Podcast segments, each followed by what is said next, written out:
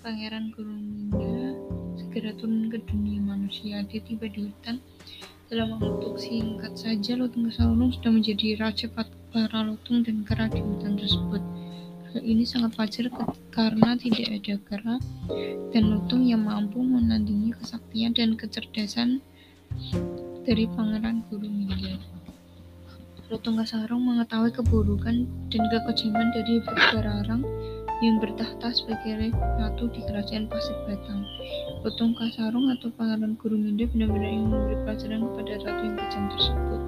Maka ketika dia mendengar rencana Bergararang mencari hewan kurban di hutan, Lutung Kasarung membiarkan dirinya ditangkap oleh orang-orang suruhan Purbararang. Sebelum dijadikan hewan kurban, Lutung Kasarung tiba-tiba ngamuk dan menimbulkan kerusakan di istana Pasir Batang. Para prajurit kerajaan Pasir Batang yang berniat menangkapnya juga tidak berdaya. Kalang kabut semua yang berniat meringkusnya. Lutung Kasarung sepertinya menunjukkan permusuhan dengan semua prajurit kerajaan Pasir Batang. Melihat kondisi prajuritnya yang terus terdesak, Prabarara meminta Uwak Barata untuk menjinakkan Lutung Kasarung. Anehnya, saat Uwak Barat maju ke medan laga, Lutung Sarung seperti tidak benar menyakiti Wak Batara.